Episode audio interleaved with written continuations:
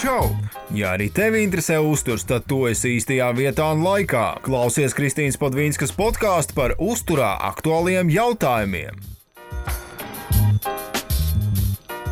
Čau, čau, podkāstu klausītāji! Klāt atkal vēl viena ļoti, ļoti interesanta podkāstu epizode.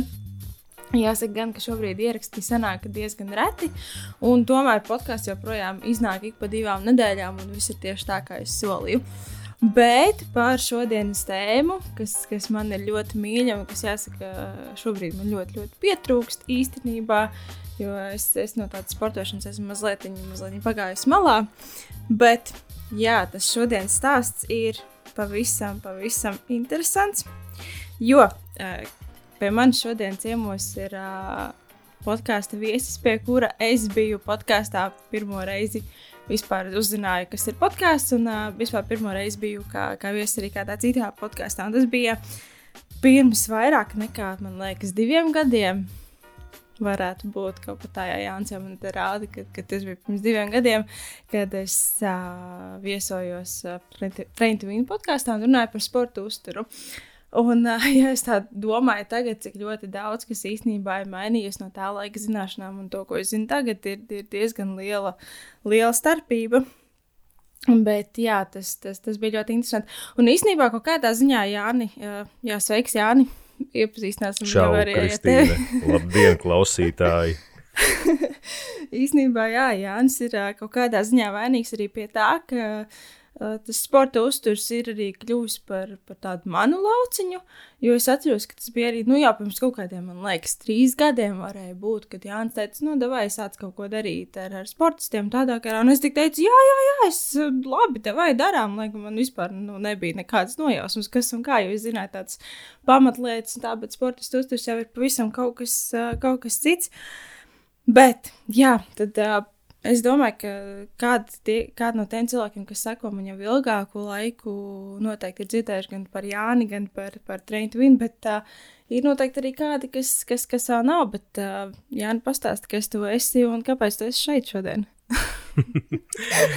jā, kāpēc es esmu šeit? Uh, nu jā, mani sauc Jānis, es esmu uh, Win galvenais treneris. Uh, nu, jau kādus gadus, daudz, es vairāk neatceros, man liekas, astoņus vai deviņus vai vairāk jau uh, strādāju ar visādi līmeņa sportistiem. Nu, pēdējos gados es teiktu, ar jau tādiem diezgan labiem sportistiem.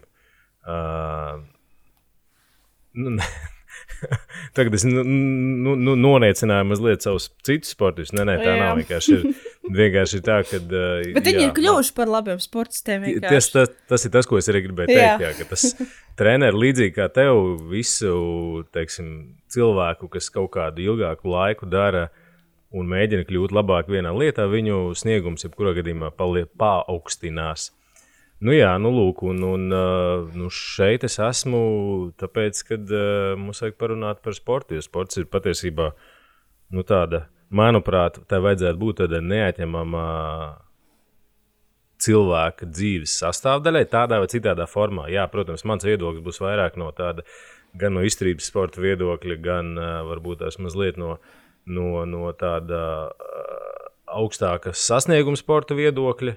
Bet nu, mēģināsim jā, to kaut kā uh, nu, nolikt, nolikt arī vai parunāt par tādām, par tādām vienkāršām ikdienas lietām. Mm -hmm. Jo mhm. patiesībā viņas tagad ir aktuālas uh, nu, gandrīz visiem. Ja? Visi ir aizgājuši, sākuši iet kaut kur ārā, pastaigās, braukt ar riteņiem. Uh, skriet, jā, nodarboties kaut kādām citām fiziskām aktivitātēm, kas ir baigi labi. Jā, tur, tur es pilnīgi piekrītu. Man liekas, tie, kas arī neko ilgi nav darījuši, vai vispār nav darījuši, tie arī ir kļuvuši aktīvāki. Bet, bet ir ļoti dažādi. Un ir arī kādi, kas, kas savu sporta, sporta gaitas mazliet pieklusina, tā kā es šobrīd. Bet, nu, neko darīt. Tāda ir tā situācija. Bet, uh, tas, ko es gribu teikt, jā, Jānis jau pareizi teica par, par tiem sasniegumiem, un to visu es, es arī esmu savu laiku kārtīgi trenējusies un visu kaut ko arī darījusi. Un, un, un, uh, tas nevienmēr ir bijis viegli un vienkārši, bet, uh, ja tu pareizi trenējies, ja tu sako līdz treniņiem, tad uh, ir iespējams arī šo un to sasniegt arī amatieriem. Jā. Tā kā tu esi izturības uh, sporta treneris, tad uh, pastāsti varbūt, nu, jā, tā kā tas izturības sports ir arī mans sports, tad uh, pastāst arī varbūt klausītājiem, uh, kāpēc nodarboties ar izturības sportu, uh, kāpēc to būtu vērts darīt, uh, kas tur ir foršs un, un, un tāds labs arī veselībai. Nu, izturības sports noteikti ir viens no, viena no labākajām alternatīvām vispār, ko, ko šajā dzīvē eh, pasākt ārpus ģimenes darba un visām citām lietām. Nē, nu tā ir. Uh, nu, tur noteikti ir vairākas, vairākas lietas, ko ir vērts uzsvērt. Es tagad nerunāšu par, par, uh, nu, par to, kad, uh, cik tas ir labi, jo tu kaut ko, kaut ko vari arī izdarīt tajā sportā, jo viņu paveidi ir daudz. Bet uh, atejot mazliet prom no, no riteņbraukšanas, kas ir mans primārais sporta veids, tā, manuprāt, viennozīmīgi ir uh, labāka dzīves kvalitāte. Jo tāpēc, un tie pār, tās pārējās lietas būs tas, kas, tas, kas to paskaidros. Ja? Un tā ir arī tu droši vien to zini. Un, un gan savā darbā, gan, gan pati esi pieredzējusi. Tas ir mērķis, cilvēks radījis, lai, lai, lai viņš būtu aktīvs. Un tagad mēs sev noliekam pie, pie, pie datora, pie nezinu, televizora, tā tālāk. Tas nav mūsu tāds uh, dabiskais, dabiskā vide, kur mums vajadzētu eksistēt. Ja? Kā, uh, pirmais veids, kā uzlabot savu dzīvi, ir, ir tiešām sākt kaut ko darīt. Uh, stresa noturība, superīga stēle. Un, un noteikti es teiktu, arī tagad, ņemot vērā esošo situāciju ar, ar, ar, ar Covid un visiem ierobežojumiem, es laikam teiktu, ka sportisti. Uh, nu, vismaz tie sportisti, ar kuriem mani saskara, viņi ir mazliet tādi, kā lai pareizi pasakā, nu, mentāli stabilāki šajā situācijā. viņi noteikti nekrīt, nekrīt panikā par kaut ko. Tas nenozīmē, ka viņi par to nedomā, un ir dažādi viedokļi un, un trauksmes pakāpes par to visu. Bet, bet uh, kopumā es teiktu, laikam, ka izturības sports tev tiešām norūda un padara mentāli stabilāku. Vai dēļ tā, ka da, daļai dēļ tā, ka uh, tomēr piedaloties sacensībās, tu to stresa līmeni tur tevi, tu esi spiests viņu menedžēt, uh, kas pēc tam ļoti palīdz ikdienā. Nu, plus tīri no, no tāda bioķīmiskā viedokļa, tu zini to, to tikpat labi, ja, kad uh, tomēr to kortizolu mēs varam regulēt ar, ar uh, lielā mērā ar to, ko mēs darām. Fiziskā aktivitāte noteikti to palīdz, palīdz uzlabot. Uh, ilgmūžība, pilnīgi noteikti. Uh, izturības sportisti dzīvo, un tā ir statistika. Uh, dzīvo ilgāk kā, kā vidējie statistiskie citi cilvēki, citi populācijas, populācijas biedri. Uh, galvenokārt tāpēc, ka mēs samazinām sirds asinsvadu saslimšanas, sas, sirds asinsvadu slimību riskus, kas ir, manuprāt, kad, uh, vēl joprojām statistikā, statistikā augstākais uh, uh, iemesls nāvei arī pie Pirmajā mums Latvijā, vietā, manuprāt. joprojām. Jā. Jā. Nu, tad, lūk, tas ir pilnīgi noteikti labākais, eh, labākais ko jūs savam ķermenim izdarīt, varat izdarīt, lai paildzinātu savu, savu, savu dzīves mūžu.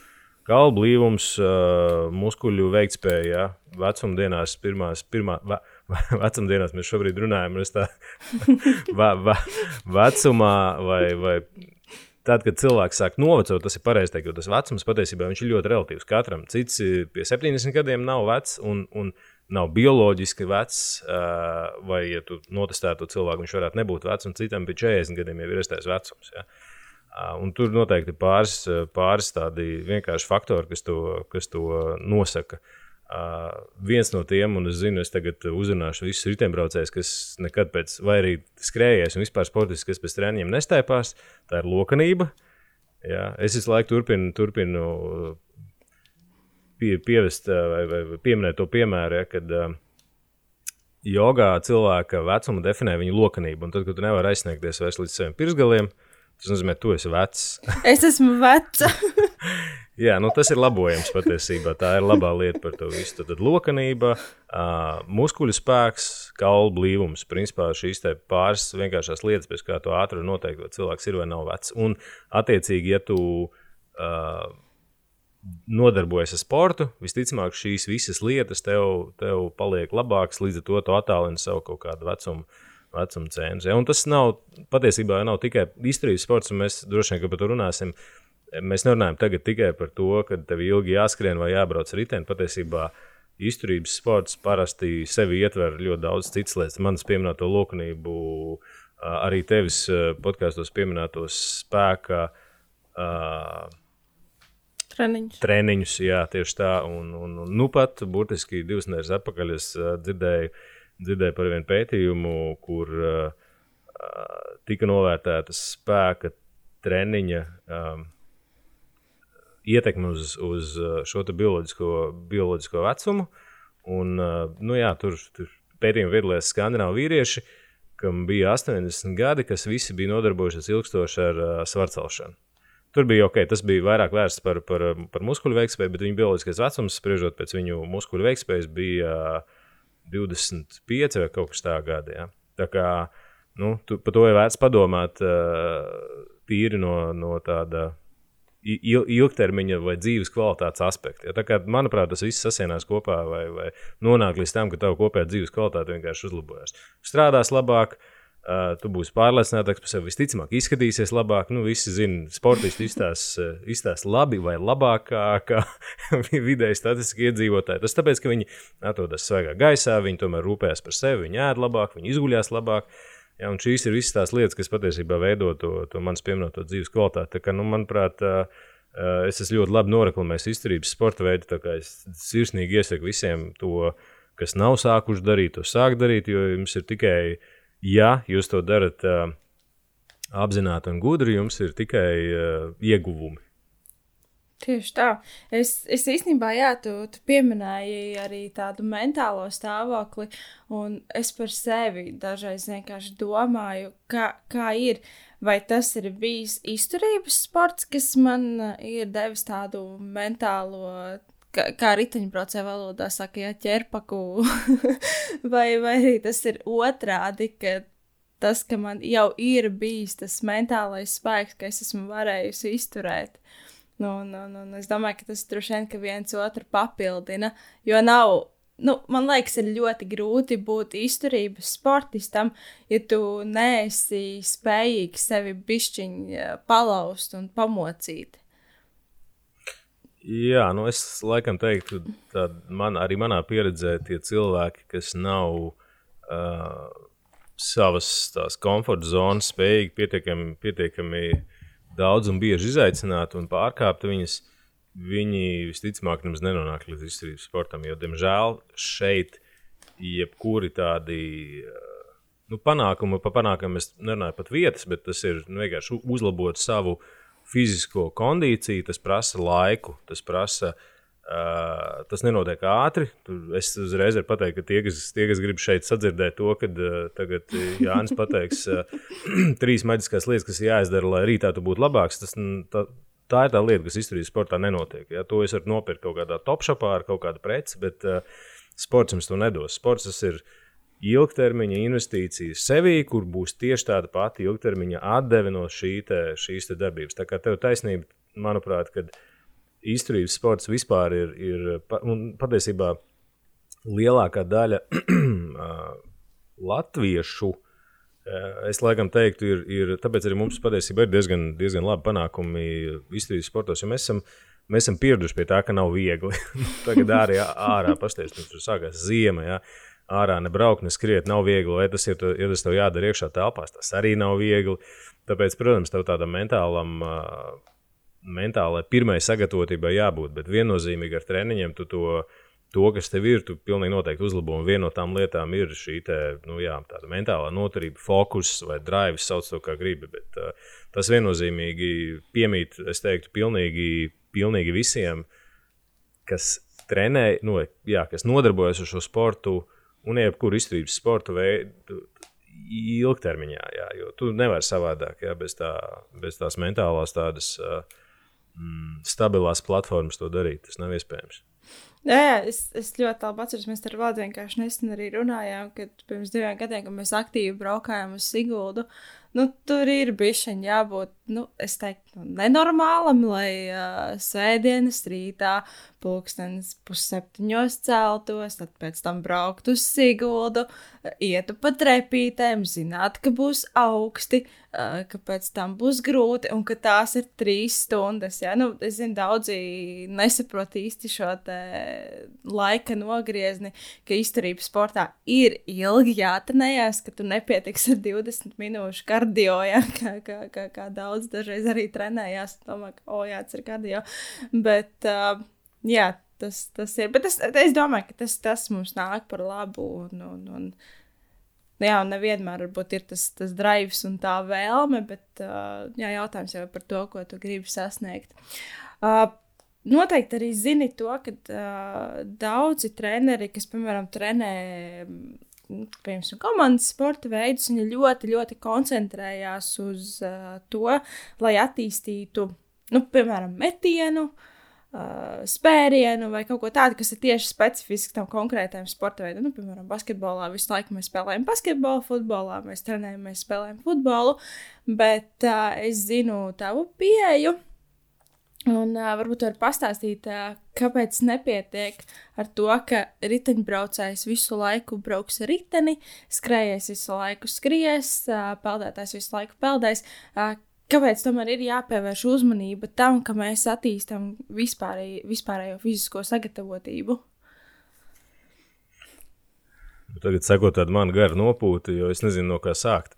nu, patiesībā es esmu, uh, lai arī es esmu riteņbraukšanas treneris, nevis vispārējais fiziskās sagatavotības treneris, tam es, tam es esmu veltījis gan lielu laiku savā kaut kādā sportiskā mūžā, vēl projām to turpina darīt, gan arī nu, to vērtē ļoti augsti vai prioritizē ļoti augsti saviem sportistiem un citiem to iesaka. Patiesībā tas pamatojums jau ir ārkārtīgi vienkāršs. Vienveidība mm, ir lielākais ienaidnieks, un arī tajā skaitā specifika. Ja? Vienveidība ir lielākais ienaidnieks jebkurā progresā.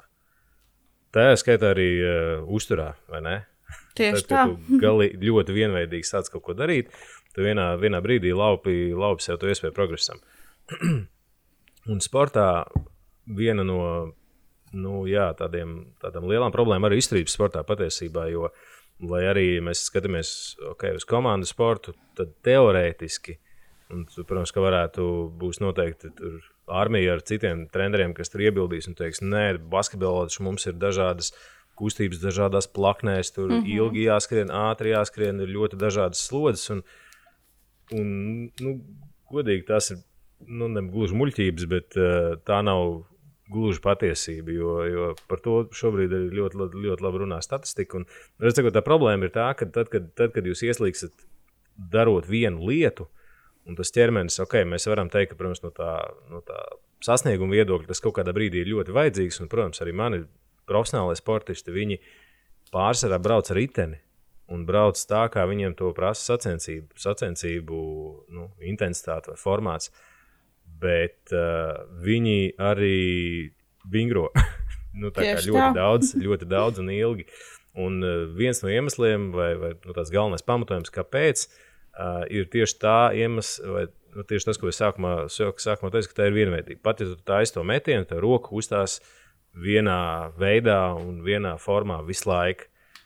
Spērienam ir tieši tas pats. Pat ja tu taisīsi dažādas metienas, tāpat tās ir trīs dažādas roku kustības. Bet tu visu laiku nekad neesi spiests aizlikt aiz muguras. Vai kāja tev nekad nav, nav lokana un tev ir pārslogots viena, viena, viena kājas puse. Tāpēc uh, Vispārējā fiziskā sagatavotība patiesībā ir jebkura sporta veida, vai tam vajadzētu būt, jebkura sporta veida pamatam un fundamentam. Un jo stabilāks tas fundaments būs, jo lielāka un labāka iespēja pēc tam ir tavs specifiskajā sagatavotības fāzē no sportista vai no sevis eh, dabūt ārā lielāku, labāku rezultātu. Un īpaši es gribētu laikam, pievērst uzmanību, ja šo podkāstu klausās vecāki kur bērni sporto un trenējās, tad liekat, liekat aiz auss, jo agrāk viņš spērs, metīs vai, vai ļoti un tikai brauks riteni, jo mazāk, mazāk viņam tā ilgmūžība sportā. Ja? Un, un, tu zini arī tikpat labi, ja basketbola, futbola traumas, jauniešu vidū ir ārkārtīgi izplatīts. Tā ir šobrīd, es teiktu, lielākā, un par to jau runāju, man, man liekas, gadus, piecus vai pat desmit mm -hmm. atpakaļ, jā, kad bija absolūti, tur, man liekas, U18 basketbola izlasē, tur puses pus izlases bija ar plēstām krusteniskajām saitēm. Un tam nav nekāda saistība ar to, ka mūsu jaunieši tagad dara vai nedara kaut ko tādu, vai nezinu, nedabū ēst kaut ko, kas, kas, kas šo uzlabot. Tas ir tikai dēļ tā, kāds, kā, ir, kā tiek veidots tas treniņu process. Ja? Tāpēc vispārējā fiziskā sagatavotība tev ļaus būt uh, nu, tādam pilnvērtīgam, pilnvērtīgi funkcionējošam cilvēkam. Jo patiesībā, ja tu to dari pareizi, tu attīsti visas šīs lietas. Tev pilnveidojas spēks, tev uzlabojas lokanība, tev uzlabojas koordinācija. Un, uh, ok, vienā sportā tas ir vairāk vajadzīgs, vienā mazāk vajadzīgs, bet ikdienā tas ir, ir vajadzīgs. Ja, ja tev vajag pacelt uh, uh, nezinu, smagu čemodānu, viņu uz ceturto stāvu, tad, uh, ja tu būsi tam, nu, vai, ja tu būsi strādājis pie savas vispārējās fiziskās sagatavotības, tu to izdarīsi bez traumas. Bet, ja tu esi veselu gadu nosēdējis tikai uz riteņa un neko citu nedarījis, tad iespējams otrajā stāvā tev nokrakšķēs muguru un tu vairs nevarēsi braukt riteni ievērojamu laiku un nāksies iet pie ārsta. Ja? Tāpēc, jā, trauma risks un tāda vispārējās fiziskās sajūtas, es pat teiktu, tā uzlabošana ir primārais jebkura sporta tāds, pat es neesmu mērķis, bet drīzāk jebkuras programmas pamatu uzdevums. Ja, ja tu sporto vienalga, ja tu skrieni, trenējies maratonam vai, vai, vai spēlē hokeju, tad tev vajadzētu tās vienkāršās bā, bā, bāziskās lietas vai, vai elementārās kustības spēt izpildīt labi. Jo tā ir tā problēma. Ja, tu, tu arī zini, ka daudz strādā bērniem. Viņi bieži vien pat pietupties nemāk pareizi. Viņi nezina, kā pareizi pieturēties. Un tad, ja tu no šī bērna pēc tam prasīji, vai, vai ceri, ka viņš nokļūs NHL, spēs prof, spēlēs profesionāli, tad kā viņš to var izdarīt? Ja viņš bērnu dienās nav iemācījies tās vienkāršās lietas izdarīt pareizi. Ja? Un tā ir tā vispārējais fiziskās sagatavotības loma patiesībā. Tā kā, jā, es esmu tāds, es neteiktu, laikam, kritisks, bet nu, tā ir viena no obligātām lietām, kas, ja kāds, kāds trenējas pie manis, viņš pilnīgi noteikti vingro. Ziemā tagad viss vingro. Tāpēc, un tas pat nav atkarīgs no, no sporta. Jā. Pat ja, mēs, pat ja tu neko nedari un sēdi visu dienu pie datora, tā arī tāda pat vienveidība. Jā tās profesionālās slimības, vai nu viņas ir sportā, vai, vai pēc tam no datorspēles turēšanas, vai, vai es nezinu, no, no vēl kaut kā cita, ja tu viņus vari novērst, vai šo situāciju vismaz vari uzlabot, ievērojami caur, caur vingrošanu. Un tas, man, manuprāt, ir tāds lētākais. Lētākais risinājums, ja kuram cilvēkam kaut kādas savas problēmas atrisināt. Visi vienmēr saka, sūdzās tā klasiskā lieta, ja man sāp muguras, apakšējā mm -hmm, daļa. Mm -hmm. Vai nu es braucu ar riteni, vai sēžu, sēžu tur ilgi pie datora. Un tad viss saka, nu, ko man pa, pasaka, man tur sateipot to muguru vai, vai pasmērēt vai, kaut ko. Pasmērēt kaut ko, jā. Es saku, zini, kā, nē, tev ir, tev ir jāsāk vingrot. Oh, bet tas ir grūti, un reku, tur, tur tas prasa tur stundu no vietas un tā. Un, nu, jā, nu atkal mēs atgriežamies pie tā, ka tev ir, ja tu gribi. Uh, to ķermeni savest kārtībā, jo, nu, acīm redzot, un vienalga, bērnu gadījumā tā ir okay, kaut kāda treneru vai, vai vecāku nespēja ieraudzīt to potenciālo problēmu nākotnē. Pieaugušo cilvēku problēma tā bieži vien ir tāda ignorants un, un mēģi, mēģināšana vai mēģinājumi sameklēt kaut kādus īstus ceļus tajā problēmā, viņi patiesībā nav. Jā. Eh, daudz lētāk jums ir šodien sākt vingrot un rūpēties par, par, eh, par savu ķermeni, nekā pēc eh, diviem, trīs, četriem gadiem staigāt pie ārstiem, taisīt kaut kādas operācijas, blokādes, smērēt kaut ko. Ja? Bet, nu, jā, tā, tā kā vingrošana ir svarīga. Lūdzu, vingrojiet, vienalga, vai jūs nodarbojaties vai nedarbojaties ar, ar izturības sportu. Viņi ir kaut kādā mērā un formā vajadzīgi absolūti un pilnīgi visiem, un neatkarīgi no vecuma. Vai tas ir bērns, vai tev ir jau 75 gadi. Uh, un iespējams, tu cilās varas. Mm. Jā, par, par to, ka tā vienveidība ir slikta. Es neatceros, kurš, kurš tas bija, bet ar kaut ko mēs beigas smējāmies par to, ka riteņbraucējs uh, aiziet paskriet viņam, kā aizsver lupatās. Tas nekas, ka viņš var 6 stundas noturēties uz riteņa un braukt un braukt, bet aiziet paskriet, tur viss ir ļoti grūti. Uh, Un uh, par bērniem runājot, jā, tas, tas man bija bišķiņ tāds šoks. Īstenībā vasarā man bija iespēja novadīt uh, vienu treniņu arī. Nu, tur vienkārši parastas fiziskās aktivitātes. Nu, tiešām neko tādu es tur nesaliku. Kaut kāds ir vingrinājums vai kaut ko tādu. Nu, apmēram tas, kas mums ir bijis uh, Spartā. Uh, Sparta ir treniņi, ko vadīja Jānis Jānis. Citu, uh, tiem, kuriem ir interese par, par, par vingrošanu, noteikti varat uzrakstīt vai man vai Jānim. Tad jau padalīsimies arī ar linku un, un, un iespēju arī pavingrot arī mājas apstākļos. Jā, un uh, par tiem bērniem man izturēja no kaut kādiem 25, 25 bērniem līdz beigām, man liekas, trīs toreiz. Nu, labi, viņi tur, protams, neprecīzi visu kaut ko darīja, bet lielākā daļa atbira jau pēc kaut kāda otrā vingrinājuma. Un tad man liekas, tāds, nu, bet mēs pat neko neesam sākuši darīt. Un tas arī ir tas, uh, nu jā, tas, cik bērni īstenībā ir mūsdienās palikuši nekustīgi. Es atceros, kad es biju maziņa, uh, mums bija grūti dabūt mājās. Tu labāk negāji uz mājām, ne pārģērbties, neko, ne, neizsāc nekas, uh, lai tikai tev neliktu palikt mājās, jo tas, piemēram, vai nosalis, vai tev ir jāpēd, vai kaut kāda mājas darba jāpild, vai kaut kas tāds. Tad tagad, man liekas, ir daudz grūtāk uh, dabūt tos bērnus ārā. Bet, nu, nu jā, tas, tas, tas tā jau būs katra vecāka atbildība, laikam. Nu, jā, lielā, lielā mērā es teiktu, tā ir. Eh, vecāki jau viņus grib ārā dabūt, bet paši viņi bieži vien negrib iet ārā. Bērnam ir eh, labākais, eh, labākais, ko tu vari, vari bērnam dot, ir piemērs. Un patiesībā šeit es arī varu uzteikt tos vecākus, un tagad ir ļoti forši patiesībā. Tā ir viena no tādām, nu, tādām pozitīvām lietām ar visu šo esošo situāciju. Mm, ka tad, kad vadot treniņus, es redzu tās, tās ģimenes un kā viņi kopā. Kā, tad, tad īsnībā tas bērns arī redz, kā tas vecāks vingro, cik viņam ir grūti. Un, un bieži vien tas ir tas uh, motivators, kas liek tam, tam uh, bērnam sākt kaut ko darīt. Viņš saprot, ka okay, tur mammai vai tētim ir grūti. Tad viņi to no malas parasti. Pirmā, pirmā reakcija viņa parasti pasmīkņā par to, ka nu, kas tur.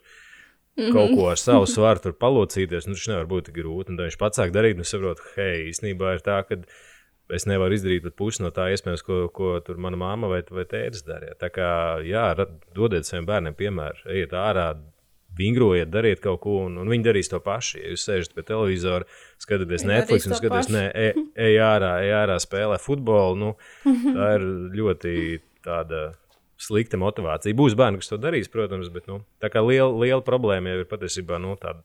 Mūsu, mūsu pašos mums jāsāk mainīt savu dzīvi, lai, lai viņi pēc tam mainītos kādam citam, attiecīgi, nu, mūsu bērniem. Jā. Tas gan. Uh, šis gads, man liekas, nu, jā, apnika jau īpašā situācija, interesanti un tā tālāk. Bet, nu, protams, mēs nevaram nerunāt par to, ka visa šī situācija ir skārusi arī sportistus. Uh, sacensības nenotiek, labi, kaut, kaut kas jau paspēja notikt. Ja nu, es personīgi paspēju tikt uz divām sacensībām, nu, arī labi. Bet uh, nu, es vienkārši salīdzinu to, kā bija pagājušā gada, kad nu, man gandrīz katru nedēļas nogali kaut kas bija, un tad jau likās, nu, kurā brīdī ko, ko nebraukt un, un tā. Bet uh, nu, skaidrs ir viens, ka sportam ir svarīgas sacensības. Nu, ir kādi, kas vienkārši sporto tāpat, bet, uh, ja es par sevi runāju, nu, man gribējās jā, tur braukt pa vietām un uz kaut ko. Nu, kaut, kaut, kaut ko sasniegt, ja man likās diezgan bezjēdzīgi. Nu, ne bezjēdzīgi, bet, nu, uh, 11 stundas uh, likt iekšā treniņos un, un, un, un kaut kur astītē, tur vazāties. Man bija tāds, gribējās kaut ko sasniegt. Bet kā ir tagad īstenībā, nu, tu esi vistuvāk sportistiem, kā ir tagad, kāds, kādi viņiem ir tie mērķi, kas, ko viņi grib izdarīt? Jo, nu, es pieņemu, ka ir, ka ir ļoti dažādi cilvēki. Nu, statistiski, vai tev ir kādi aizgājuši, nu, piemēram, no treniņiem, kas negrib vairs trenēties, jo sacensības nav, varbūt nav vērts. Nu, jā, kā, kāda ir tā situācija, kādi ir tie mērķi un, un tā, tie tavi novērojumi? Nu, kā jau es teicu, uh, sportisti ir mentāli daudz uh, imūnāki, ne, bet drīzāk noturīgi pret uh, šādām svārstībām un, un situācijām. Un, uh, es uh, teiktu, ka ir ļoti mazs. Uh, un jāsaka, nu, tiešām es esmu runājis ar saviem ārzemju kolēģiem, kur ir. Uh, kur viņiem tā situācija ir savādāka, bet uh, man un mums, uh, kā uzņēmumam, tas, tas uh, cilvēku mainība vai, vai, vai sportisti, kas ir beiguši, pārtraukuši sportot, viņi ir ļoti maz. Uh, nu, tiešām maz, maz.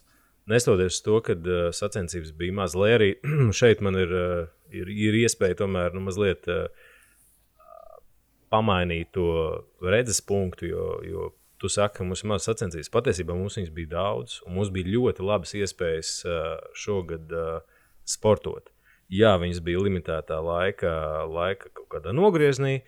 Mm, tas gan fakts, jā, taču salīdzinājumā pret uh, citām, uh, citām valstīm, Skandināvijā, Eiropā, nu, tur tā situācija bija daudz sliktāka. Tur patiesībā amatieru sportam nebija vispār nekādi. Bieži vien bija valsts, kurās vispār nekas nenotika. Un patiesībā viss, ko tu varēji darīt, ir sacensties distancēt kaut kādos strāvas segmentos, vēl kaut ko.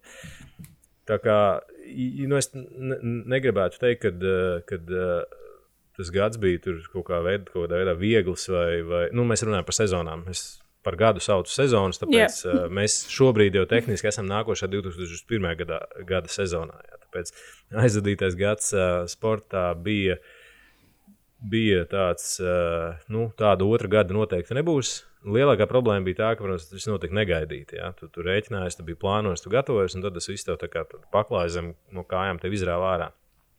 Bet patiesībā uh, mums, un es domāju par mums, es runāju par to tandēmu, sportistu un, un treneris, izdevās diezgan veiksmīgi pārorientēties vai saprast. Uh, saprast tos mērķus un, un, un iezīmēt viņus tādus, kas ir pietiekami sasniedzami, redzami un, un taustām. Protams, kad uh, tas ir ārpus arī sporta. Cilvēkam vispār nepatīk neskaidrība. Nu, ne tev, ne man, jo tu nezini, kas būs rītā. Nu, tas ir tas, kas mums biedē parasti visvairāk. Bet, nu, šī ir tā situācija, kurā mēs dzīvojam, tāpēc ir jāpieņem kaut kāds scenārijs, arī sportā plānojot, tu plāno gadus priekšu. Nu, jebkurā gadījumā tu saki, ok, reku, man ir mans svarīgākais starts, nezinu, Latvijas čempionāts, tad man 21. jūnijā jābūt vislabākajā formā. Bet tu to plāno nezinot par savu veselības stāvokli, par to, kā viss notiksies. Uh, darbā, attiecībās, kāds laiks būs ārā, cik daudz varēs trenēties.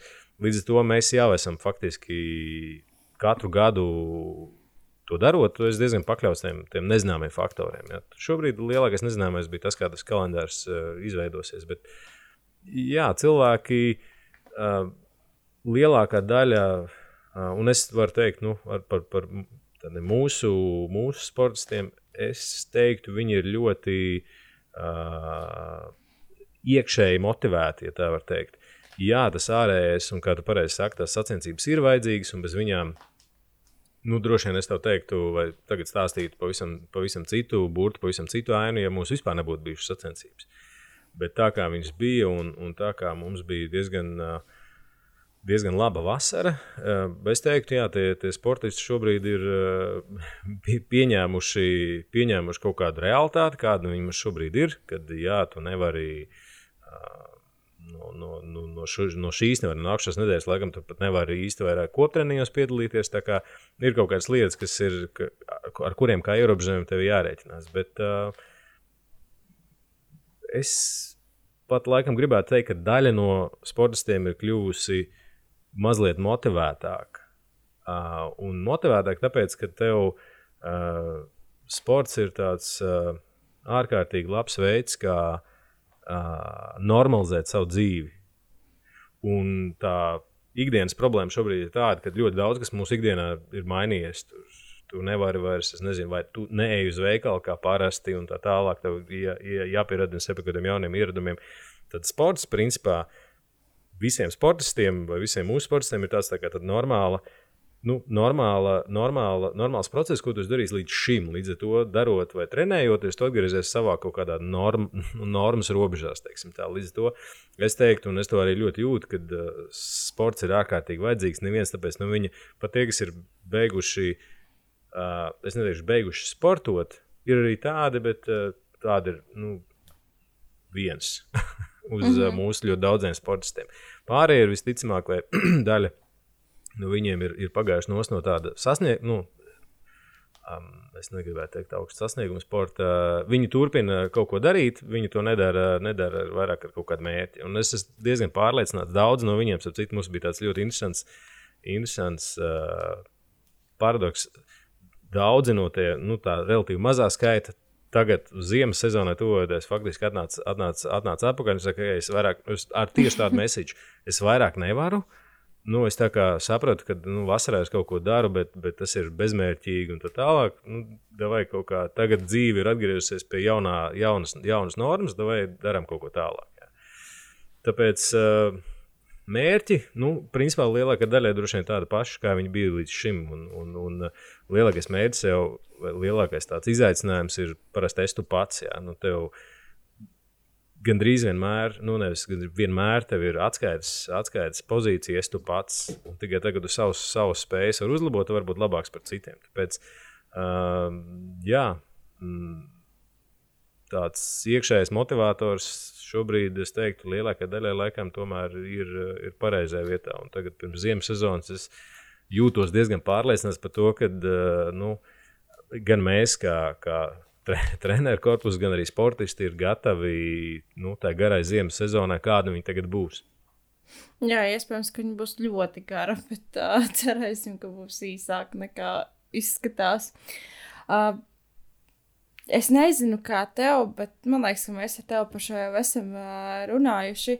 Bet uh, man uztur coachingā bieži vien sanāk runāt uh, ar klientiem ne tikai par uzturu, kas it kā būtu tā pamatlieta, kas, kas mums ir uh, jāmaina, jāuzlabo un tā tālāk. Bet uh, bieži vien ir kaut kādas uh, privātas lietas, psiholoģiskās lietas, uh, uh, arī par veselību runājot, tas pats sports, uh, miegs un tā tālāk. Uh, kāda ir tā tava trenera loma šodien? Jo, nu, es stipri šaubos, ka tu liec tikai treniņus un novērtē izdarīto. Uh, jā, nu, ja es droši vien tā darītu, tad, uh, tad tie sportisti neietu tajā geometriskajā progresijā uz augšu, vai ietu, bet statistiski tas cipars būtu ļoti mazs. Uh, nu, tā ir viena no, no būtiskajām. Patiesībā ir tā, ka tā, tā loma šodien nav mainījusies, un, un, un tu esi tas, vai treneris ir tas, kā lai pasakā, informācijas hubs, kurā tu savāc visu par treniņa, izpildīto treniņā, par cipariem, par kaut kādu kopējo treniņu bilanci, par izjūtām, par uh, citiem notikumiem, kas ietekmē vai ļoti var ietekmēt tavu, tavu ikdienu. Kā piemēram tas pats uh, teiksim, pirmais, pirmā uh, ārkārtas situācija, un tad, kad visu salika pa mājām, ja skaidrs, ka mainījās darbs, mainījās uh, dzīves cilvēkiem, jo tu pirms tam gāji uz biroju, un tev bija tāda ļoti normāla ikdiena, tad vienā brīdī viņi mainījās. Tu esi spiests strādāt mājās, ja tu nekad to neesi darījis, tev ir ļoti daudz lietas, kas ir jāpielāgo. Ja? Un tad, protams, ka nu, tu kā treneris, tu kā labs treneris. Tu zini, kas notiekās viņa mājās, un tu zini, ka okay, viņš tagad, viņam ir bērni, bērniem ir mājas darbi, un viņam tur laiks no divām stundām dienā treniņam samazinās uz varbūt 45 stundām. Uh, piedošana 45 minūtēm. Ja?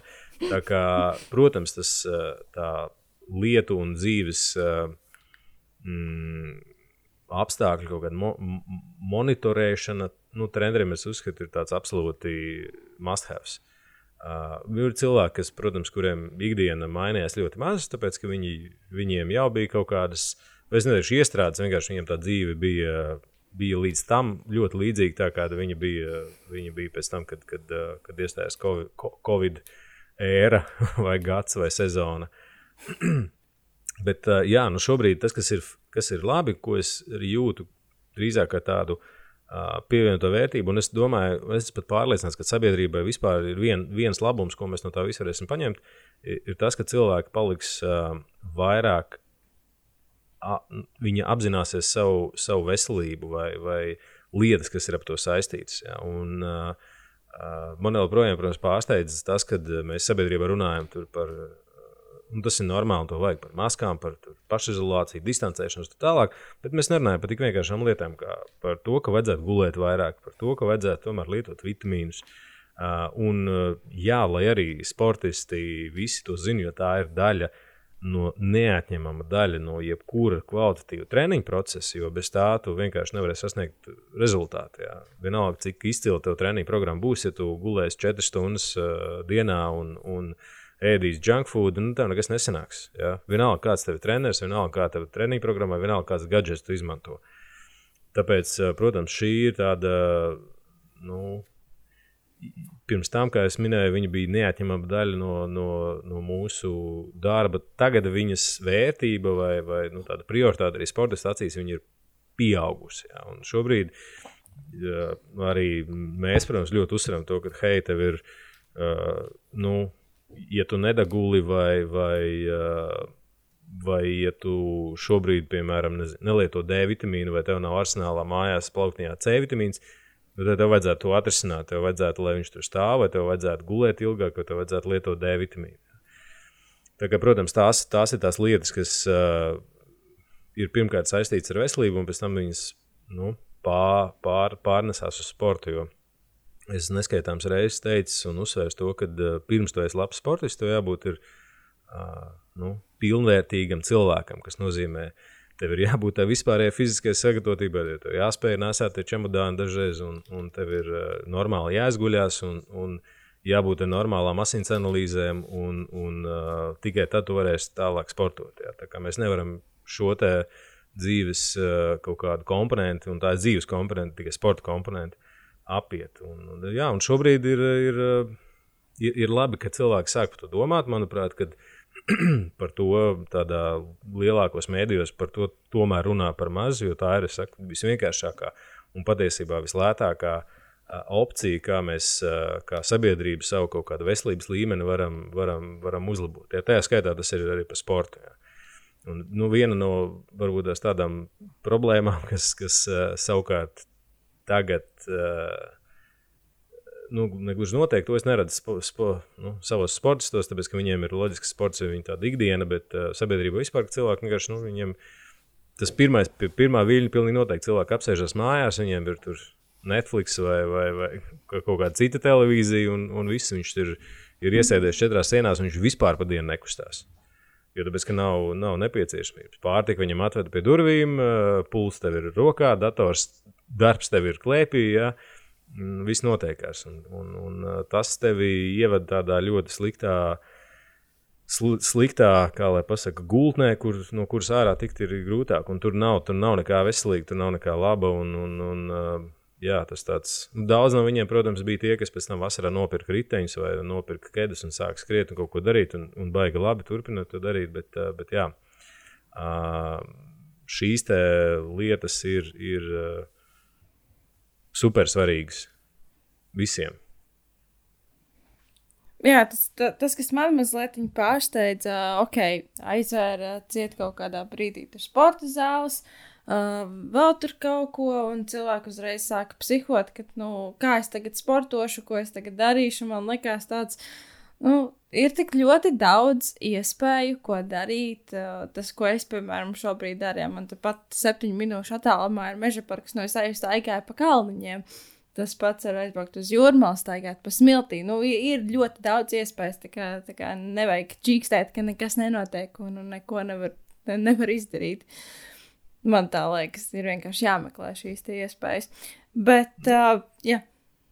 Nē, nē, cilvēki vienkārši pier, pier, pieraduši vērtībām. Tas ir normāli. Tad, kad tev no tās ikdienas izsiež ārā, nu tad, bet, kā jau teicu, tas ir, manuprāt, ja mēs nesamies kaut kādiem ekonomiskiem apstākļiem, kas, kas nav noteikti mūsu šodienas sarunas temats, bet tas ir labi, jo nu, tev, tu atgriezies vienkārši pie tā, kur mēs bijām 20, 30 gadus atpakaļ. Ja, nu, kad telpās nebija ko darīt. Trenižera zāles bija priekš. Uh, Vai tad tās pat nebija trenižera zāles, jo tad īsti trenižera nebija. Tur bija tās bija tikai svaru zāles, ko man citreiz aizrāda daži, daži treneri un sportisti, jā, kad ir svarzāls un trenižera zāles. Trenižera zāles ir parādījušās tagad. Tāpēc, jā, nu, re, kur ārā, ārā var izdarīt, svaigā gaisā var izdarīt ļoti daudz, un patiesībā tas ir daudz, nu, veselīgāk lielā mērā nekā to pašu darīt iekšā telpās. Jā. Ja kāds netic, tad lai aizbrauc pastaigā pa Siguldas trepītām kaut vai, ja ir pamazs slodzi, vienkārši staigāties. Bet, jā, par to sportu ir, ir ļoti interesanti īstenībā. Es atceros sevi jau pirms diviem gadiem. Uh, neviens izlaists treniņš. Uh, neko pilnīgi neizlaidu. Pat ja bija 11. mājās, tāpat braucu, cik tur to stundu treniņu. Jā, par to miegu tas, tas jau atkal cits, vai ne, cita lieta. Bet, uh, nu, skaidrs ir viens, nu, būsim reāli atklāti, nu, profesionālais sports un, un, un, un veselības sports, tās ir divas dažādas lietas, bet uh, kā amatierim nenokļūt tajā situācijā, kad viņš sev dara pāri, jo tā robeža ir ļoti, ļoti smalka. Nu, man liekas, ka es esmu bijusi uz tās robežas, kad man treniņi ir viss. Un uh, viss pārējais tiek pakārtots, un, un, un tad, attiecīgi, to pēc tam var redzēt arī kaut kādās analīzēs, un vēl viss kaut kas. Bet, uh, nu jā, kā, kā, kā šo robežu nepārkāpt, un uh, ko tad, ja tomēr ir gadījies pārkāpt? Jā, nu tā robeža pirmkārt ir nu, pašam, pašam sava patiesība. Nu, katram ir sava. Vienam, vienam tas, tas līmenis ir kaut kur uh, punktā X, citam punktā Y. Bet, uh, principā, es uh, gandrīz citēšu vienu grāmatu, ko es tieši vakar lasīju. Uh, par, uh, par spēku treniņiem. Un, uh, tur bija tāds ļoti spilgts, labs citāts pa visu lapu, ka uh, tu pats esi atbildīgs par to, kas tev notiek. Un es teiktu, pat, ja, uh, pat, ja tev ir treneris, jo es treneru darbu tā vajadzētu būt. Uh, nu, varbūt tas, kad kāds man nepiekrist, bet tā, tā, tāds ir mans uh, ideālais redzējums treneru darbam, jebkurā sporta veidā, kad tu esi uh, kā. Uh, kā tas sauc, pilotu vai pa, pa, tas, kas lasa stenogrammu blakus rallija mašīnā. Pilots ir tas, kas sēž pie stūres. Un, Stūrmanis. Stūrmans, laikam, jā. jā.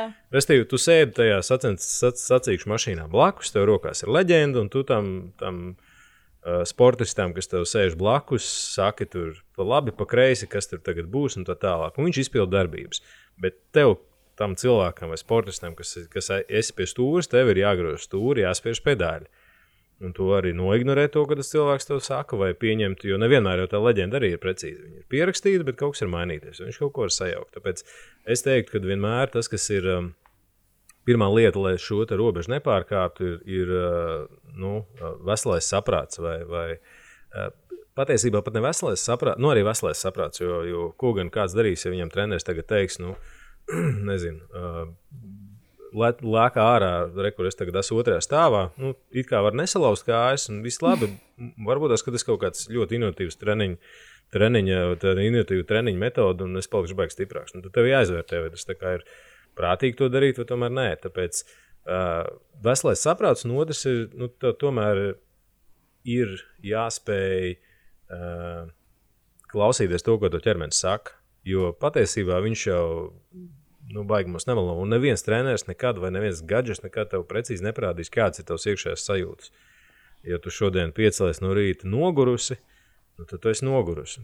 Tad tev tā godīgi jāatbild, okay, vai es esmu gatavs, mans ķermenis ir gatavs tam treniņam vai nē. Uh, to gan es zinu no savas un no, no daudzās plašās uh, pieredzes ar sportistiem. To izdarīt ir ļoti grūti, un parasti ir tā kā, tā kā tev, ka te puni ir jāuzsit. Un es kaut kur es teiktu, ka uh, tas tā ir normāla, tas tāds normāls process, jo tu līdz tam ideālajam tādam balansam. Tu nevari nonākt, kamēr tu nezini tās robežas. Ja? Un, un es vienmēr, kā treneris, saku, es, tad, kad mēs kādu sportu sākam, es saku, ok, es tevi nepazīstu, un, un ir kaut kāds, kaut kāds laiks, kurā es mēģinu taustīties, un es arī godīgi varu pateikt, es, saku, es nezinu, cik daudz tu varēsi, bet vai iesim līdz kaut kādam brīdim, X, un es redzu, vai tu redzi, ka tas ir par daudz. Tas nozīmē, ka mēs esam uzzīmējuši tās robežas, kur tu spēj operēt. Un tad es zinu, ka okay, re, mums ir spēles laukums, un mēs tās robežas nu, cenšamies palielināt, bet nepārkāpjam. Uh, tāpēc jā, tāda godīga, godīga saruna parasti ar sevi, uh, un pēc tam ar treneri, ja tāds ir, viņi ļoti, ļoti palīdz tam visam, uh, lai, lai to pietiekami ātri. Uh, nu, noķertu kā, kā procesu. Jā. un, un, un novirzīt to, to, to atpakaļ pareizajā gultnē. Jo, protams, ka neviens, ne tu, ne īstenībā treneris negrib, lai tev būtu slikti. Jā. Tā problēma, tas, kas mums ir, un arī tev, ka cilvēki sportā bieži vien ļoti ir tādi gold driven. Vai nu, tāda ļoti mērķiecīga, tā būtu latviešu korejs teikt. Ja, ka tu esi tāds, ok, ja tev ir, kā tu teici, tur treniņš šodien, 11. vakarā, tad visi seju daru, tāpēc, kad vajag. Tāpēc, ka tas ir tas, kas man palīdzēs sasniegt mērķi.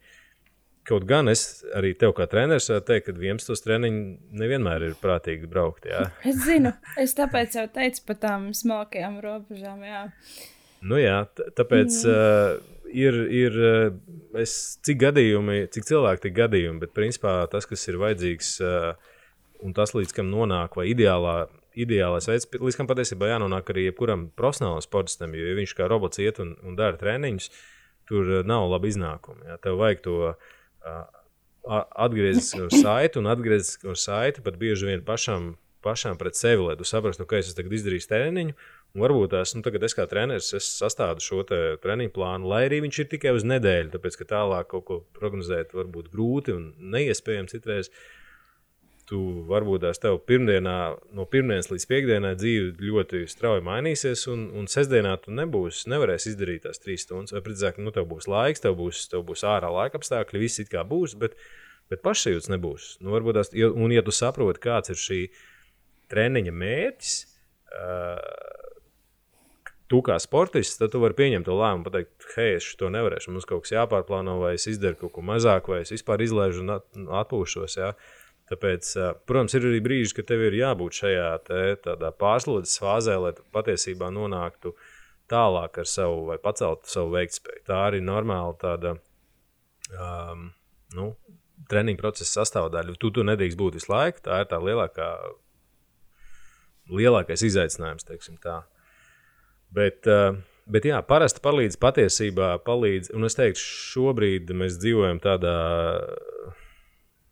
pateicīgā laikā, savā ziņā pateicīgā laikā mums ir diezgan daudz gadgetu.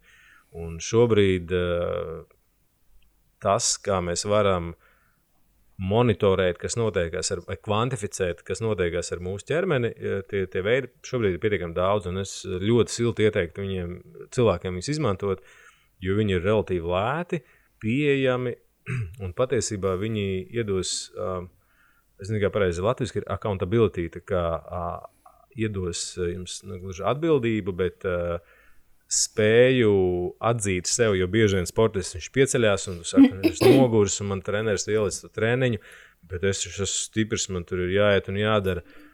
Un tev vajag kaut kādu nu, viedokli no malas pēdiņās, kas pasaka, e, tu esi vispār gatavs vai neesi gatavs to darīt. Un tur tas gadgets īstenībā strādā super labi. Jā.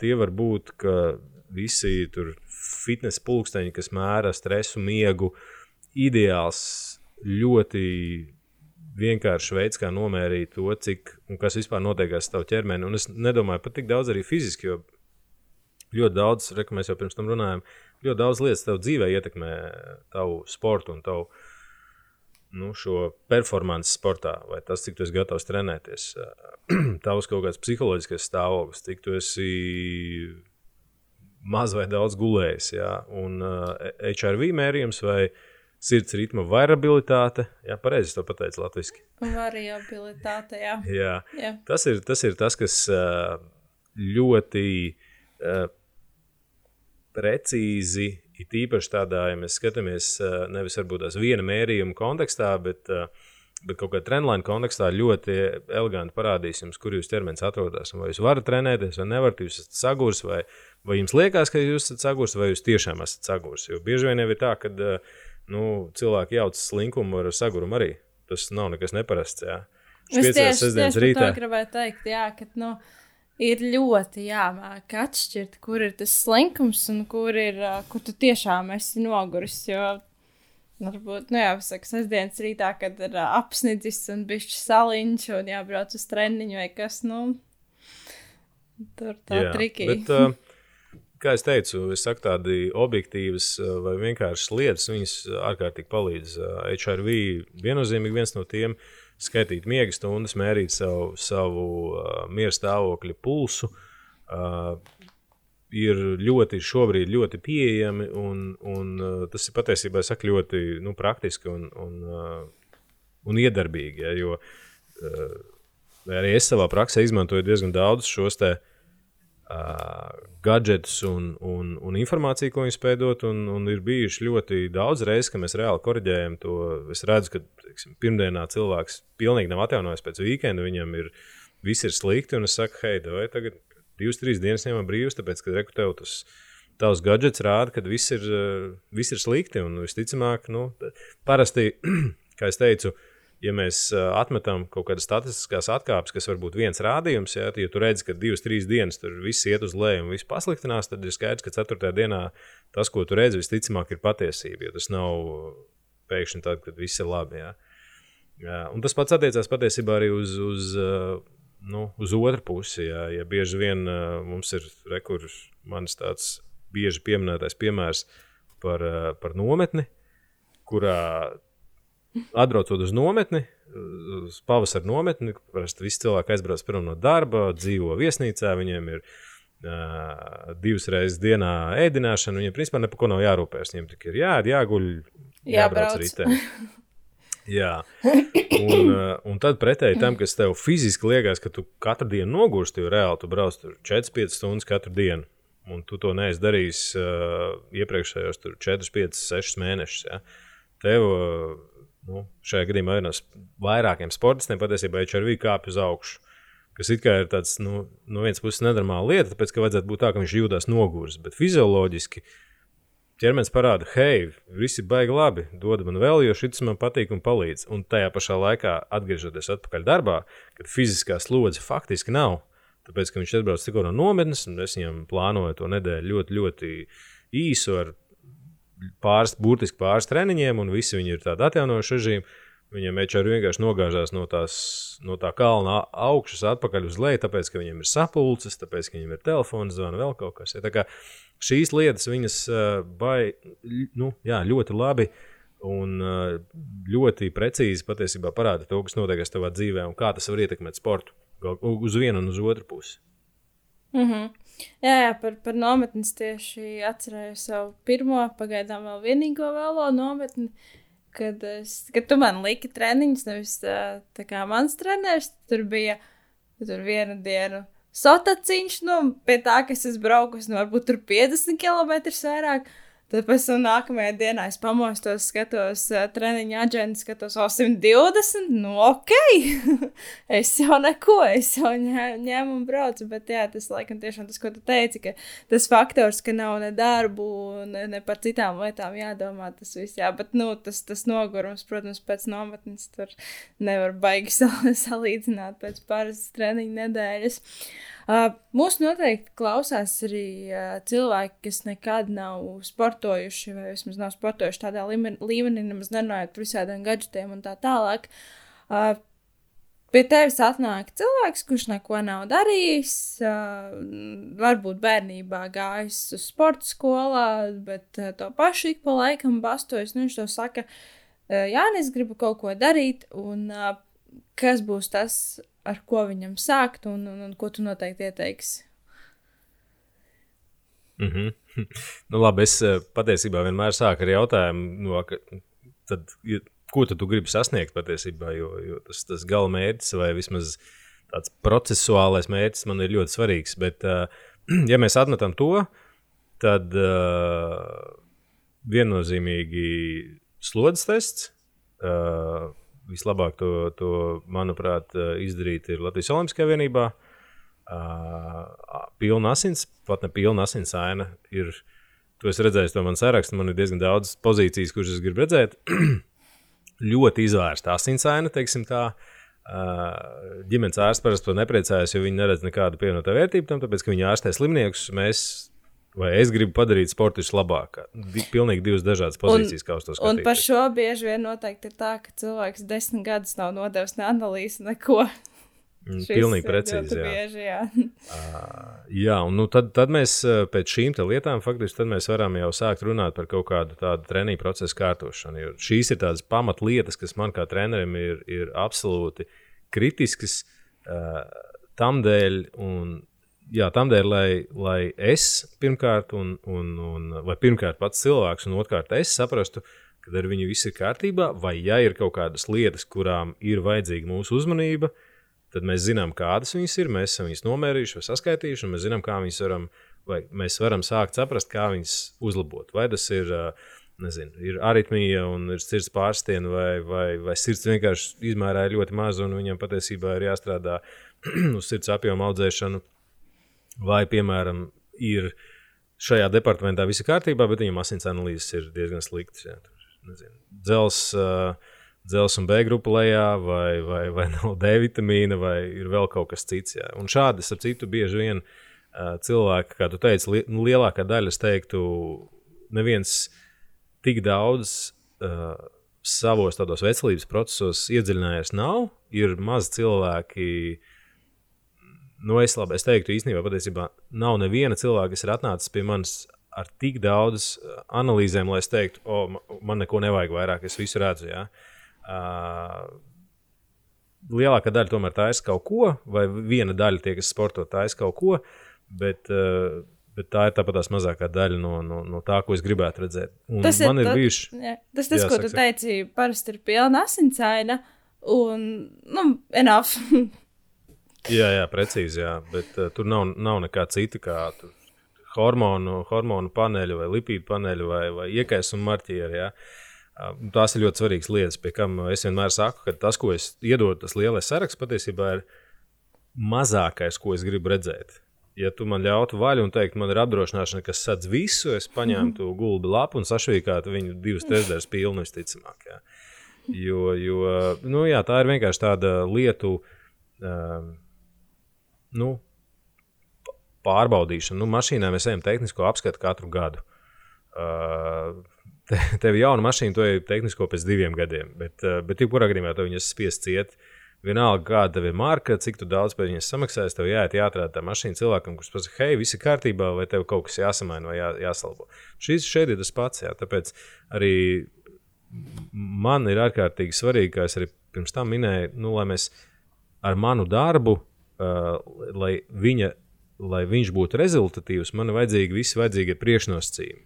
Nu, kā jau teicu, ja tu, ja tu negulēsi, ja tev būs uh, dzels uh, deficīts un, un tev nebūs D vitamīna un testosterons būs zemē, mēs nevaram runāt par tādu kvalitatīvu treniņu procesu. Tas vienkārši nav iespējams, tāpēc, ka viss, ko tu darīsi, tas pudeles kā akls būs tajās citās lietās, kas tev ierobežos kļūt labākam vai uzlabot savu pašsajūtu, vai, vai nu, var ielikt trīs punktus. Un tas, tās lietas patiesībā viņas jebkurā gadījumā ir saistītas atkal ar tavu dzīves kvalitāti. Jo, ja, tu, ja tev būs pietiekami daudz B un D vitamīna, tad tu būsi enerģiskāks, noteikti dzīvespriecīgāks nekā tad, ja tev viņa nebūs. Jo tad tu visu laiku jūties nogurs, tad, kad jūties nogurs, tad tu neesi laimīgs, tu nevari darīt lietas, kas tev patīk, un tā tālāk. Un tā kā, jā, slodzes tests, izvērst asins aina ir tāds nu, must-have.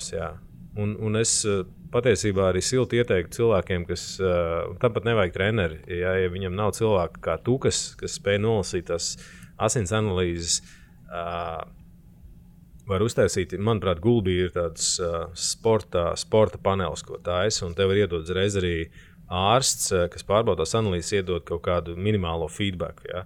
Tā, manuprāt, ir nu, tāda vienkāršākā lieta, ko tu vari izdarīt. Ja, pie kam, uh, iedodot atkal, iedodot atkal mazliet citu skatu perspektīvu, pie mums asins analīzes patiesībā ir ļoti lētas.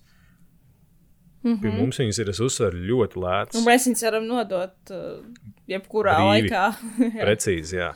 Kur pretī uh, ārzemēs, nu, teiksim, ir te pana, tas lietas, ko tā es, es parasti maksāju kaut kādu, ja bez, bez uh, apdrošināšanas, tā es, manuprāt, virs zem, zem 80 eiro. Tad uh, Tāpat kaimiņu valstī Lietuvā šis panelis maksā sākot ar 160 eiro vai 150 ar kaut ko. Igaunijā apmēram tikpat, Skandināvijā sākot no 280, ja pareizi atceros. Šīs te pašas vienības, ja es iedodu, iedodu visus angliskos nosaukumus, viņš aiziet pie sava ģimenes ārsta, viņš pasaka, re, kur maksā tik. Ja. Tāpēc uh, pastieties uz to kā, kā uz ļoti lētu iespēju pārbaudīt, pārbaudīt, ka jums viss ir kārtībā. Ja kaut kas nav kārtībā, tas jebkurā gadījumā proaktīvi to problēmu risinot, jūs neiebrauksiet lielākās auzās, tā latviešu izsakoties, un nenonāksiet līdz ārstam. Jo jebkura ārsta apmeklējuma šobrīd būs dārgāk nekā jums nopirkt D vitamīnu, nekā jums sāk lietot nezinu, B grupas vitamīnu vai, vai, vai vēl kaut ko citu. Jā. Tas pats attiecās patiesībā arī uz, uz, uz darba spēju pārbaudi. Tur, ja ir tā, ka uh, kāds nezinu, baidās no Olimpiskās vienības, vai, vai tur ir pārāk gara rinda, vai Nav tur šobrīd rindas, cik es zinu. Es nezinu, kā vai, vai tagad vēl ir pieejamas, bet rindas nav. Rindas tur nav, jā, bet ir, tur ir vajadzīgs patiesībā. Es pieņemu, Tests ka tas ir vajadzīgs. Jā. Jā, tur ir vajadzīgs uh, negatīvs, uh, ne, negatīvs PCR tests, un, un tad var doties uz turieni. Bet uh, es domāju, ka uh, tīpaši, ja tas ir tāds, ja, ja cilvēks tikko sāk sportot, es domāju, ka pirmā lieta, kas, uh, ko viņš var izdarīt, ir uztaisīt kaut kādu pašu ehokardiogrammu kaut kādā no nezinu, mūsu poliklinikām vai tur, kur šī darbspēja pārbauda tiek veikta, to var izdarīt arī tur. Jā. Vismaz minimālā versijā tas būs tas, kas. Tas būs, tas būs tas, kas ir vajadzīgs. Jā. Man ar to īsti nepietiek, tāpēc man vajag sporta ārstu slēdzienu. Bet jā, cilvēkiem, kas, kas sāk darīt kaut ko, nu, es teiktu, divas šīs te vajadzīgās lietas ir pulsometrs, nu, kas mērī uz sirds ritmu, tas ir patiesībā vienalga, vienalga kurā sporta veidā tas būtu nepieciešams. Vienalga, vai spēlēt, vai, vai spēlēt basketbolu vai hokeju. Ja? Uh, tas ir nepieciešams. Un, attiecīgi, darba spēja pārbaudīt. Vienalga, vai tas ir uz veloergonometra vai uz skrejceliņa. Uh, jā, nu, pat LSPA ir iespējas arī tur slīdceliņu izmantot, un slēpes, un, un vēl kaut ko, ja, vai roller slēpes precīzāk. Mm. Bet jā, tas mm. ir tas ir tas, kas būtu ļoti, ļoti vēlams, lai jūs saprastu vispār, ko jūs varat un, un vai jūs varat to darīt. Kas būtu tādi uh, trīs svarīgākie tavi ieteikumi šodienas sportistam? Ņemot vērā visu to situāciju, kas ir tagad, un, un, un jā, visu kopumā. Lielākā, varbūt tās ne, ne sportistu, bet vispār cilvēku problēma, vai tie, kas sevi redz nākotnē, kā sports ir prokrastinācija. Nu, tas ir, es sākšu tur 1. janvāris, jā, tur nezinu, vēl kaut kādi maģiskie datumi vai rītdiena vai. vai Tad nu, pirmais ieteikums ir sākt kaut ko darīt šodien, jo, jo nu, tas laiks vairāk nepaliek, viņš paliek tikai mazāk, un, un uh, visi var atrast, un arī es to saku par, pat, pat, pat par saviem sportistiem, jā, Uh, tev ir vienmēr 10-15 minūtes dienā, ko tu vari izdarīt. Pietupienas paliecienus, atspiesties, paplankot, jebko. Nevajag obligāti braukt 3 stundu treniņā. Tāpēc uh, sākt vai turpināt to darīt ir, ir, ir ļoti svarīgi. Um, es gribētu teikt, otrais būtu ieklausīties tomēr sevī, vai ieklausīties savā ķermenī. Jo tas tādai uh, pilnvērtīgai attīstībai un, un, un uh, tādai ar pilnvērtīgi es domāju, ka tad tu nodrošini to, ka tas ir ilgs, ilgstošs, ne, bet ilgspējīgs process. Tā. Ja sportu tu ne, neuztver kā, kā, ok, man tagad vajag nofinišēt Ironmanā un viss, un pēc tam es eju spēlēt golfu vai, vai klausos platas mājās. Tad tā saruna ar sevi, tas iekšējais dialogs, to savu ķermeni, viņš ir ļoti nepieciešams. Jebkurā līmenī, vai tu tikko sāc, vai tu esi, tevi rāda pa Eirosportu, tas ir, manuprāt, vajadzīgs. Un, uh, nu, vairāk varbūt pat kontekstā ar, ar to šodienas situāciju, es teiktu, nu, tas, tas tālskats nākotnē, uh, jeb šo nu, doma un plānošana savas nākotnes plānošanu. Jo, jo manuprāt, ir, ir svarīgi saprast un uzsvērt to, ka tā situācija, kāda ir šodien, nu, viņa tā nebūs visu laiku. Jā. Mēs vienmēr ieslīgstam tajā, tajās gaudās par to, ka tā viss tagad ir slikti, tagad, slikti. Nu, tagad varbūt tas tā tas ir, vai tev tā liekas, ka ir slikti. Uh, bet patiesībā tā nebūs visu laiku. Var palikt vai nu vēl sliktāk, vai labāk. Līdz ar to tāda savas uh, pozitīvās nākotnes plānošana, man tā, un arī sportiskā, no sportiskā viedokļa, ir, ir ļoti nepieciešama. Uh, jo nu, pretējā gadījumā jā, mēs nonākam tādā be, be, bezcerības, bezcerības akā, no kuras tikt ārā ir grūti. Bet, un tas arī vienkārši palīdz principā sportā. Ja pat jūs šodien sākat, un jums nav svarīgs ne sacensības, nekas, bet jūs šodien nevarat noskriet uh, desmit minūtes, tāpēc, kad uh, jūs aizelšaties vai jums sāk sāpēt kaut kas, tas nenozīmē, ka tā būs pēc gada. Ja? Uh, tāpēc šis, šī te, nu, nākotnes perspektīva ir jebkurā līmenī ir ļoti svarīga. Ja? Tas, ka uh, viņi pēc tam ir grūti īstenot, tas ir Par to jau mēs runājām pirms tam. Bet jā, tad šīs trīs lietas. Mm -hmm. Šodiena saruna ar sevi un, un uh, tālskats nākotnē vai kristāla bumba. jā, es, es ceru, ka sliktāk nepaliks, paliks tikai labāk. Nu, tā, tā man vismaz uh, gribas domāt. Uh, Uh, es tev teikšu lielu, lielu paldies uh, par sarunu. Kā jau es tev sākumā arī teicu, pirms mēs ierakstījām, ka man ir plānā vēl kāda saruna ar tevi, ko mēs noteikti, domāju, arī realizēsim. Un, jā, klausītājiem vēlreiz gribu, gribu atgādināt par spērtas treniņiem, kas ir pieejami tieši saistē otrdienās un ceturtdienās pareizi. Un, un arī sestdienās. Jā. Un arī sestdienās. Tā kā noteikti, noteikti izmantojiet šo iespēju. Uh, linku varat prasīt uh, Jānim personīgi, vai varat uzjautāt arī man. Un, uh, nu, šodien, ne šodien, kas padien trešdien, ja, ja man sanāk šodien izlaist podkāstu, tad jau rītā, jau uz rītdienu jau var pieteikties uz, uz treniņu. Tā kā noteikti dariet to. Un pierādījis atgādināšu arī visiem klausītājiem, ka podkāstu joprojām jūs varat atrast visās uh, platformās, Spotify, Apple podkāstā, SoundCloud, kā arī mājaslapā www.kristīnapodvīnska.lv. Un, ja jums ir kaut kādi jautājumi par izturības sportu vai par trenēšanos, tad uh, droši varat jautāt arī Jānim. Es domāju, ka viņš atbildēs. Pareizi. Jā, tieši tā. tā kā sazināmies, sarunājamies vēl kādu reizi. Un, uh, Gaidīšu arī no jums arī jautājumus, un uh, varbūt arī kāds atbildes, kas to lai zina. Tā kā lai visiem laba veselība, un arī lai tev, Jāni, laba veselība, un visiem tavējiem, un visiem arī sportistiem. Tiekamies! Citā epizodē. Atā! Paldies! Čau, čau!